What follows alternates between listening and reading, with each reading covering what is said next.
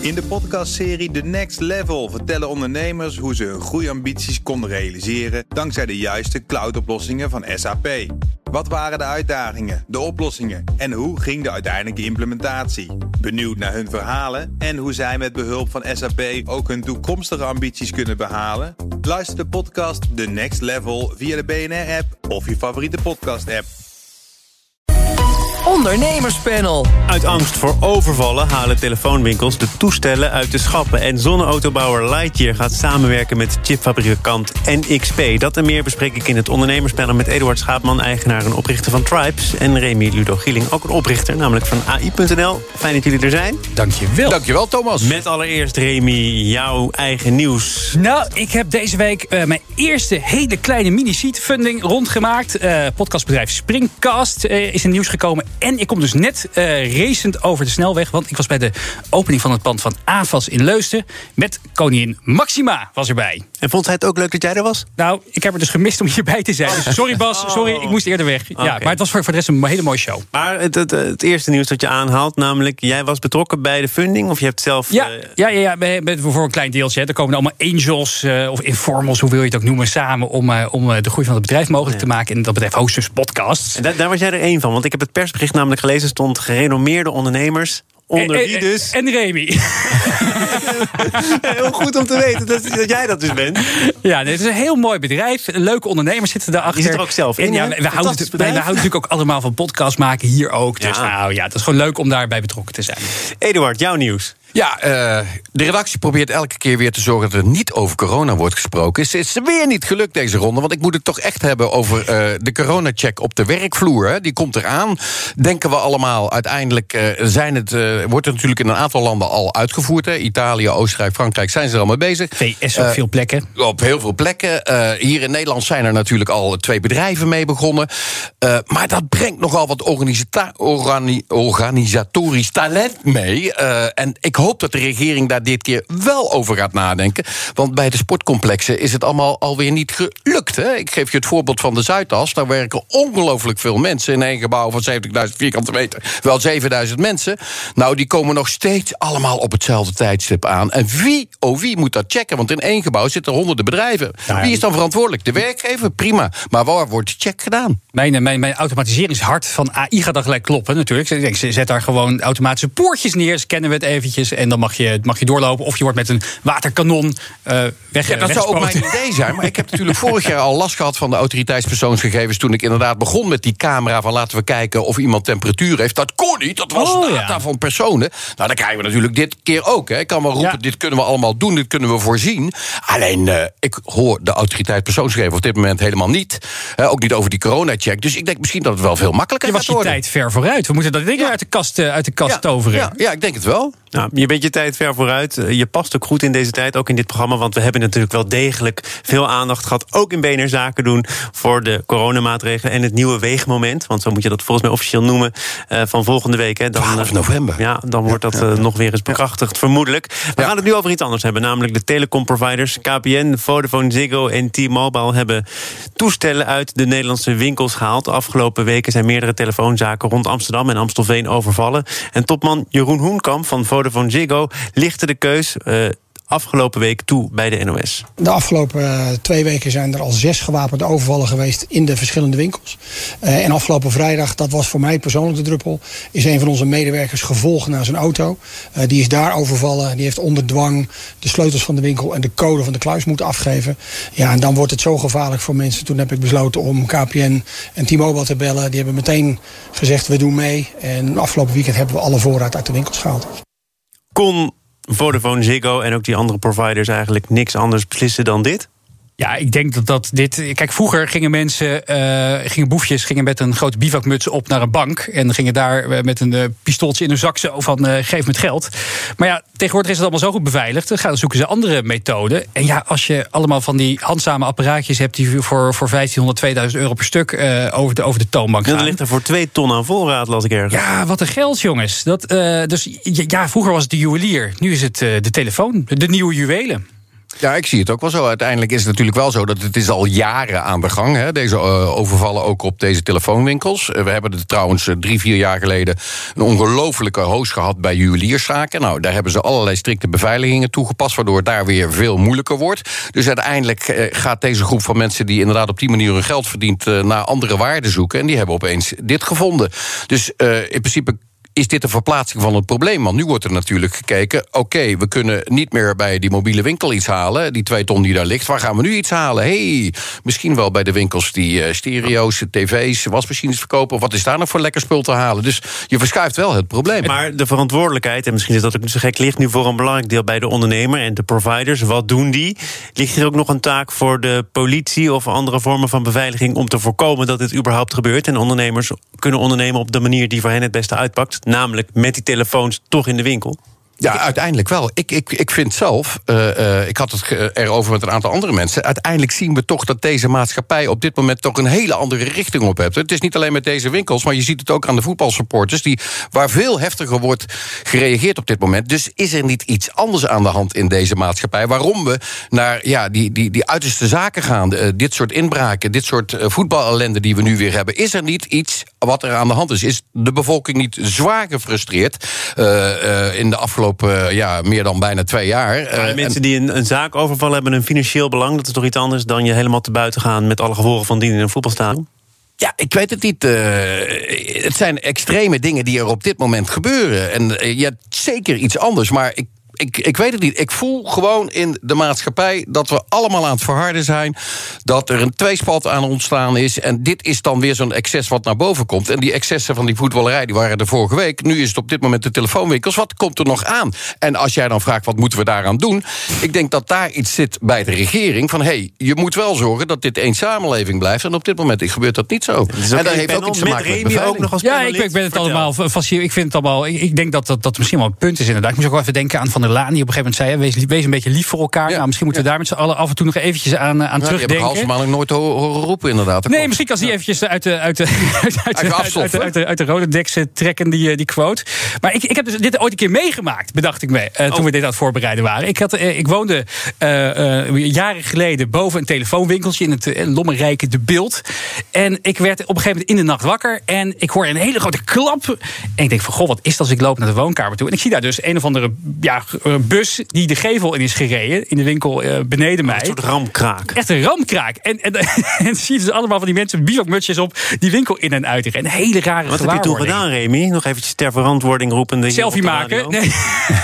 nee. Nou, het lijkt mij wel iets angstig. Hè, dat is heel raar. Ja, je, je, kijkt ook even naar boven. Want ik had natuurlijk het licht aangedaan. Dus ik, ik keek naar beneden. Maar ja, dan bel je de politie. En die zijn natuurlijk veel te laat dan uiteindelijk. Maar uh, dus het, het, het, is van alle dagen. Maar het feit, ik snap heel goed dat je als werkgever dat wel, wel vervelend vindt dat je, dat je medewerkers er zoveel last van hebben. Uh, want die, ja, die, die, die staan natuurlijk voor een, voor een betrekkelijk laag loontje in die, in die winkels. En met het risico dat ze geweer op hun Maar vanuit het ondernemersperspectief, want dit is het ondernemerspanel. Ik kwam uh, wat uitspraken tegen van zelfstandige ondernemers in het parool die zeiden: klanten verwachten al bellend de winkel te kunnen verlaten. Als we geen toestel kunnen aanbieden, dan gaat de consument elders kijken. En wij hebben niet nou, de kracht van KPN om klanten de deur te wijzen. Ik heb, of de ik beveiliging heb, ik heb de, de oplossing hiervoor bedacht. We hebben tegenwoordig al die fijne flitsbezorgerdiensten. Die, uh, die kunnen binnen 10 minuten tube tandpasta of een, uh, of een sixpack bieren bij je thuis bezorgen. Waarom kunnen ze niet vanuit een soort geheim depot ook die telefoontjes dan binnen 10 minuten bij je Ja, jawel, maar ik, ik, je mist natuurlijk wel toch een beetje die, die impulsieve aankoop. Je mist natuurlijk wel die, die upsell in die winkels die daar gebeurt van ik kom voor een, een, een, een 6.0, maar je gaat eruit met een 13.0 uh, dat kan nog steeds. Hè? Dus je kan steeds die winkel ingaan. Dus misschien een dubbing model. En dan ja, oké, okay, dan ga je die winkel van KPN 10 minuten dan ga je die winkel van KPN in en dan zie je die Samsung. En wat doet dan die consument eerst? Die gaat natuurlijk toch even googelen van waar kan ik hem goedkoper krijgen. Nou, dan laat ik het wel ja. deliveren door iemand anders. Dus ik denk dat deze drie grote concerns wel wat handel gaan missen. Maar aan de andere kant heb je die kleinere ondernemer... die dus wel een eigen zaak heeft zonder KPN en, en Vodafone erachter. Die zal er profijt van hebben als die open blijft... en inderdaad die dure telefoons blijft leveren. Dus je krijgt dan een verschuiving in de je markt. Je moet dan misschien een grote beveiliger voor de deur neerzetten om... Uh, om ja, of twee deuren. Ja. Ik bedoel, het juweliersprincipe, dat zijn niet de hoogste kosten. Een sluis maken. Uh, er zijn natuurlijk uh, alternatieve oplossingen. En er zijn natuurlijk wel een hoop ondernemers. En dan heb ik het niet over die drie grote concerns. Want de basis die daar zitten, dat zijn niet ondernemers, maar zijn gewoon op een loondienst. Die zijn al aan het nadenken. Een bedrijf als Fixers is een bedrijf wat ook in mobiele telefoonapparatuur handelt. En die hebben, hebben gewoon bedacht, oké, okay, we moeten van de een op de andere dag die dubbele sluis erin zetten. Wij blijven wel inderdaad zorgen dat die telefoons gewoon geleverd kunnen worden. Dus je moet investeren in veiligheid. Kost natuurlijk ook wat, maar liever dat dan dat je helemaal geen toestel meer kunt aanbieden in de winkel. Als jij inderdaad uh, toch je klanten te vriend wil houden en juist ook die klanten die nog graag een telefoontje willen zien en die die upsell heel graag ook uh, ervaren, ja, dan, dan moet je fysiek open blijven. Ik snap dat het dus interessant is om ook je winkel open te houden, maar ik was er toch wel enigszins verbaasd over dat we in dit hele digitale tijdperk, waar het voortdurend gaat over internet aankopen, er nog zo ontzettend veel winkels zijn die telefoons verkopen. Jullie niet? Ja, ja ik, ik verbaas me er überhaupt een beetje over. Ik weet niet hoe vaak jullie in de winkelstraat komen. Nou, je doet nu net alsof de winkelstraat al 100 jaar geleden voor het laatst. Uh, Oké, ik ben, ik ben zo het vervelende millennial die inderdaad alles via het internet aanschaft. Maar ik, ik, ik, ik, zie, ik zie het nut er gewoon echt niet van. Uh, het zal vast heel een soort van vermaak zijn voor heel veel mensen om een soort weekendje weg te gaan. Ik weet het niet. Uh, ja, ik heb het wereldwijde web op een gegeven moment ontdekt. En daar kan je al die dingen ook aanschaffen en prijzen snel vergelijken. En ja, oh, ik hoef niet per se geholpen te worden door zo'n door zo'n knuppel in zo'n winkel eigenlijk. Vanuit het wereldwijde web naar Helm Helmond. Of all places. BNR Nieuwsradio. Zaken doen. Thomas van Zeil. In dit ondernemerspanel zijn Eduard Schaapman te gast, eigenaar en oprichter van Tribes, en Remy Ludo Gieling van AI.nl en ook investeerder in veelbelovende bedrijven. Zonneautobouwer Lightyear uit Helmond gaat samenwerken met chipfabrikant NXP. In het Lightyear One model zal de technologie van NXP worden gebruikt bij het batterijbeheersysteem en de omvormers voor de zonnepanelen. En de bedrijven gaan ook samenwerken om elektrische auto's met zonnepanelen sneller naar de markt te brengen. Nou is er in Helmond een automotive campus en NXP dat is ook behoorlijk in de buurt buurt. Eduard, is het hartstikke mooi dat deze twee Nederlandse bedrijven elkaar overigens al eerder in een ander verband hebben gevonden en nu op grote schaal gaan samenwerken? Nou ja, ik vind het fantastisch. Vooral natuurlijk Lightyear is een klein bedrijf, hè, uiteindelijk. Hè. Dus het is, het, is, het, is, het is fantastisch dat NXP ook kiest voor een kleine, eigenlijk, uh, klein bedrijf uit Nederland. 100 je zou miljoen opgehaald hè, het afgelopen jaar. Ja, dat wel. Maar uiteindelijk, uh, je zou ook kunnen uh, beslissen met een NXP van... nou, ik ga toch eens praten met Tesla, want die zijn er ook mee bezig. Een heel groot bedrijf. En ik vind het juist heel mooi dat ze kiezen voor een, een, een kleinere organisatie... een Nederlandse organisatie... die uiteindelijk haar ontwikkeltijd wil versnellen en dat kunnen zij inderdaad doen met een partij als NXP. NXP heel groot, daardoor ook wat logger. Dit is een kleiner bedrijf, daardoor wat sneller. En die combinatie zou het ongelooflijk mooi kunnen hmm. maken. Maar wie loopt ook geen... het grootste risico, namelijk eh, NXP... dat uh, uiteindelijk moet concluderen dat met Lightyear kennelijk toch niet zo hard loopt... of Lightyear dat helemaal opgeslokt wordt door het grote NXP? Ik hoop dat ze daar goede regels voor hebben opgesteld. Hè. Ik, ik, hoop dat ze hebben gezegd: laat ons een ambidextrous organisatie zijn. Een organisatie op afstand. Laat ons niet volledig integreren in NXP. Maar laat ons inderdaad op afstand opereren. En dan kun je inderdaad, in plaats van die, die, die grote containership uh, uh, NXP. kun je veel sneller manoeuvreren als er dingen veranderen in zo'n kleine ondernemer. Dus ik, ik, ja, ik ben er heel erg over te spreken dat dit gaat Jij gebeuren. Ook, Remy? Nou ja, zeker. Je ziet natuurlijk wereldwijd dat er ongelooflijk veel uh, nieuwe elektrische automakers opspringen zijn. Je ziet tegenwoordig links en Co door Nederland rijden. Hadden we voorheen nog nooit van gehoord. Rivian is net uh, een beursgang aangekondigd, gewaardeerd op 60 miljard voor een elektrische pick-up truck. Voor mij hebben ze nog niet eens eentje, eentje van de. Eh, hebben ze een prototype rondrijden ergens. Dus uh, de markt voor uh, elektrische auto's en zeker niche-merken is ontzettend hot. je hebt Want hier hoort natuurlijk dat de zonne-element ook nog bij je opladen met een dak. Ja, ja. van zonnepanelen. Ja, voor, voor een deel. Hè. Het is voor mij niet, je kan voor mij niet uh, neerzetten in, in Amsterdam en dan vervolgens uh, naar, naar Groningen maar rijden op en neer. Maar wel in Utrecht. Ja, precies, precies. Ook, ook al een eindje. Uh, en, en ik geloof ook dat het team van TU Delft, die had nu ook weer een, een soort campervan gemaakt. Waarmee je dan 700 kilometer of zo kon, kon Ja, maar dat is in Australië, als de zon altijd schijnt. Ja, oké. oké. Dus hebben ze, hebben ze daar weer het geluk. Hebben ze ook nog een beetje een mooi, mooi uitkijkje om, om te rijden. Ehm, maar het is een mooie samenwerking. En ik, ja, ik denk wel dat, dat, dat, dat om dit een succes te gaan maken, 100 miljoen klinkt heel erg veel, is ook heel erg veel geld. Maar als je dit wil gaan opschalen, het is een enorm kapitaalintensieve markt. Dus er zal nogal wat bij moeten de komende jaren. Hoe kies je eigenlijk je samenwerkingspartners? NXP, dat is om de hoek, is ook een wereldwijde speler. Maar eerder was de vraag met welke producent, met welke fabrikant gaat Lightyear in zee? En er werd heel erg lang gehint op, nou dat zal dan toch ook wel in de regio te vinden zijn. VDL, nee, dat werd een uh, Fins bedrijf met al heel veel ervaring met elektrische auto's. Werd toen toch een beetje gezien als een teleurstelling. Jammer dat dat niet in Nederland kan. Doet dat ertoe? Ja, uiteindelijk wel. Uiteindelijk. Eh er is een taalbarrière minder. Dus je kunt sneller met elkaar werken. Dat scheelt. En het is iets waar beide bedrijven trots op kunnen zijn. Het is iets vanuit de Nederlandse grond wat uh, uh, groot wordt gemaakt. En uh, ja, ik denk dat dat toch iets moois is. En hoe, jij vraagt hoe kies je je partners. Uiteindelijk is het toch heel belangrijk dat die culturen matchen. Dat je samen kunt werken en dat je iets kunt bewerkstelligen. En dat wordt er nog alles vergeten bij overnames en fusies. Van hoe werken die culturen samen. Je ziet vaak bij overnames en fusies dat er niet wordt gekeken naar culturen en de cultuurmatch en daardoor nog alles wat fout gaat. doet het toch ook toe, hè? Lightyear zegt, jullie hebben bewezen dat je het kunt op grote schaal. Ja. Dat is wat wij nu nodig hebben. Ja. Althans, we moeten een eerste stap maken. Jullie hebben eerder laten zien dat je bedrijven kunt helpen met opschalen. Ja. Dus kiezen wij voor jullie. Ik heb, ik heb ook wel wat bedenkingen bij. Want ik, eerst dacht ik ook inderdaad echt gevoelsmatig van... oh, hadden ze maar met VDL samengewerkt. Wat prachtige Nederlandse conglomeraat. Toen dacht ik ook van ja, maar dit is natuurlijk ook een grensoverschrijdend product. Dus uh, als we het al binnen Europa kunnen houden, is het ook heel gaaf.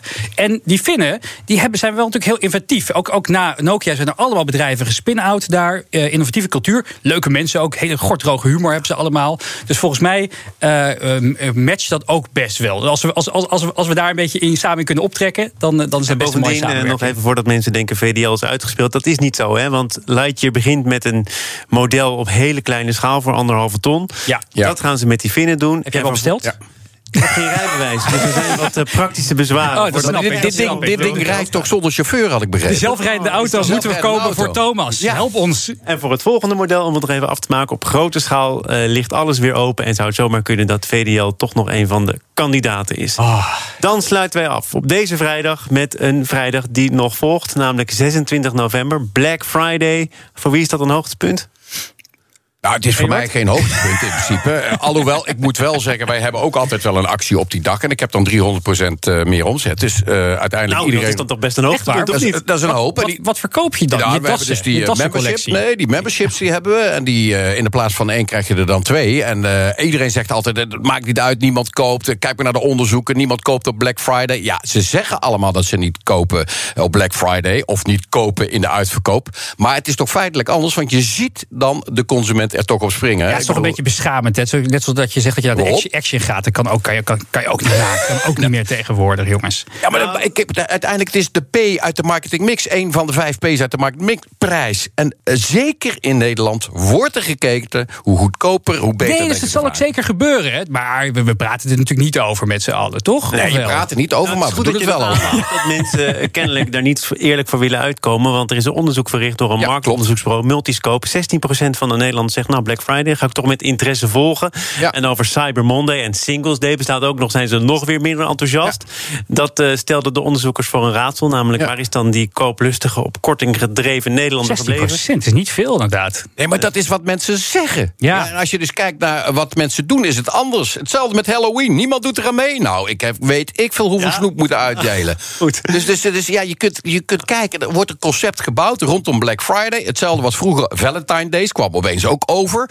Nou ja, er worden rozen verkocht als ik voor hier tot kinderen. Dus... We moeten het even hebben, denk ik, over de reden waarom het nu ter sprake komt in het ondernemerspanel. Namelijk vakbond FNV zegt: doe het nou niet. Hè. We zitten in een gevaarlijke coronasituatie. Zorg er nou voor dat mensen niet om uh, goed te scoren de straat op gaan. Drukte in de winkels veroorzaken. Het is vorig jaar ook niet op alle plekken goed gegaan. Doe jezelf een lol, doe Nederland een lol skip het dit jaar. Ja, het, het is dus die 16% klopt niet echt volgens de FNV. Volgens de FNV niet. Nou, nee, kijk, okay. het, en ik, ik snap dat zeggen. Ik, denk dat, ik, ik kan me niet voorstellen dat er één winkelier is die denkt van... nou, uh, dankjewel voor dit advies. Ik had er niet, nog niet zo over nagedacht. Ik haal inderdaad al mijn uh, aanbiedingen die ik uh, in het vooruit, vooruitzicht had gesteld... haal ik, trek ik terug. Dit is weer precies zo'n gevalletje. We hadden het er voor de uitzending even over. Hè. We willen allemaal niet in de file staan. Dus we zijn allemaal boos dat iedereen om negen uur nu weer de weg op gaat. Hè, want die anderen moeten toch een keertje kunnen toch wel hun, hun, schema aanpassen, maar dat willen we voor onszelf niet doen. Ja, dat geldt voor de winkels natuurlijk ook. Uh, we, we, willen misschien niet dat die, dat die, dat die buren uh, uh, die aanbiedingen gaan doen, maar ja, voor onszelf is het natuurlijk wel heel erg lekker. Ja, ja nee, dus, ik bedoel, het probleem is natuurlijk als het gezag tegenwoordig iets roept, gebeurt het niet. Hè? De FNV is ook een bepaald gezag, nou, dan gaan we het zeker niet doen. Maar hetzelfde gebeurt natuurlijk met het kabinet. Die roept van jongens, we moeten minder mobiel verplaatsen. Nou, sinds de persconferentie heb ik er meer files gezeten dan daarvoor. Dus we luisteren gewoon niet meer naar autoriteiten, omdat we ze geen autoriteit maar meer zou je naar FNV moeten luisteren? Gewoon eventjes vanuit ja, af en toe zijn er zaken. Ja, er, zijn, er zijn af en toe zaken van het FNV waarvan ik zeg: hé, hey, daar, daar heb ik wat aan, Maar daar dat moet is ik niet- iets dat aan is doen. niet deze zaak. Nee, Dus dat is- we, dat moeten, is- we moeten omgekeerde psychologie gaan toepassen. Het kabinet moet gaan roepen: jongens, massaal de straat op op maandagochtend. En dan, gaan we, en dan gaan we denken: nou, mij niet gezien, ik blijf Ja. lekker thuis. Ja, Overigens, misschien is dat dan weer marketing op zich... maar ik kwam ook al de eerste bedrijven tegen... die FNV niet nodig hebben om Black Friday te skippen. H&M zegt, nee, wij zijn een duurzaam bedrijf. Wij gaan de massaconsumptie Ah, maar niet die kapstok Ja. ik probeer even alles uit. Ja, ja, nee, klopt inderdaad. Je kunt het ook aan die kapstok gaan houden. En dan komen ze daarna met, we hebben eh, Sustainable Monday. Kom dan naar ons. Ik bedoel, er komt altijd wel weer een ander concept dan. We hebben Sustainable Monday, kom nu bij ons, want hm, we zijn duurzaam. Nou, wat je vanuit een vakbondsperspectief... of misschien ook wel als ondernemer nog zou kunnen denken... het is als heel groot bedrijf, de Mediamarkt of de Action van mijn part... of H&M, heel veel makkelijker om te spelen met je voorraden... en met het strooien van kortingen dan als kleine ondernemer. Er wordt ook wel gezegd, het is niet helemaal een gelijke uitgangssituatie. Dus misschien om gelijkheid na te streven... is Black Friday ook niet voor iedereen een goede vondst. Nou ja, Ja, of, maar of, ondernemen, of, ondernemen en gelijkheid, dat is wel iets nieuws, er maar ja, een, wat gaan we nou Nee, maar een conclusie. eh, ja, Eduard is gewoon heel gepassioneerd over, over het nieuwe concept. Leuk trouwens, het eh, duurzame, de duurzame Monday. Wat was Ja, het? Sustainable Susta- Monday. Sustainable ja? Monday. Was Ja. leuk. Eh, eh, maar ik, ja, ik hoop toch dat misschien mensen ook een keer ook het wereldwijde web ontdekken. En zien dat je daar ook aanbiedingen kan krijgen. Dan hoef je niet naar die winkelstraten te gaan. Hoef je geen corona op te lopen. Is allemaal hartstikke veilig, lekker thuis.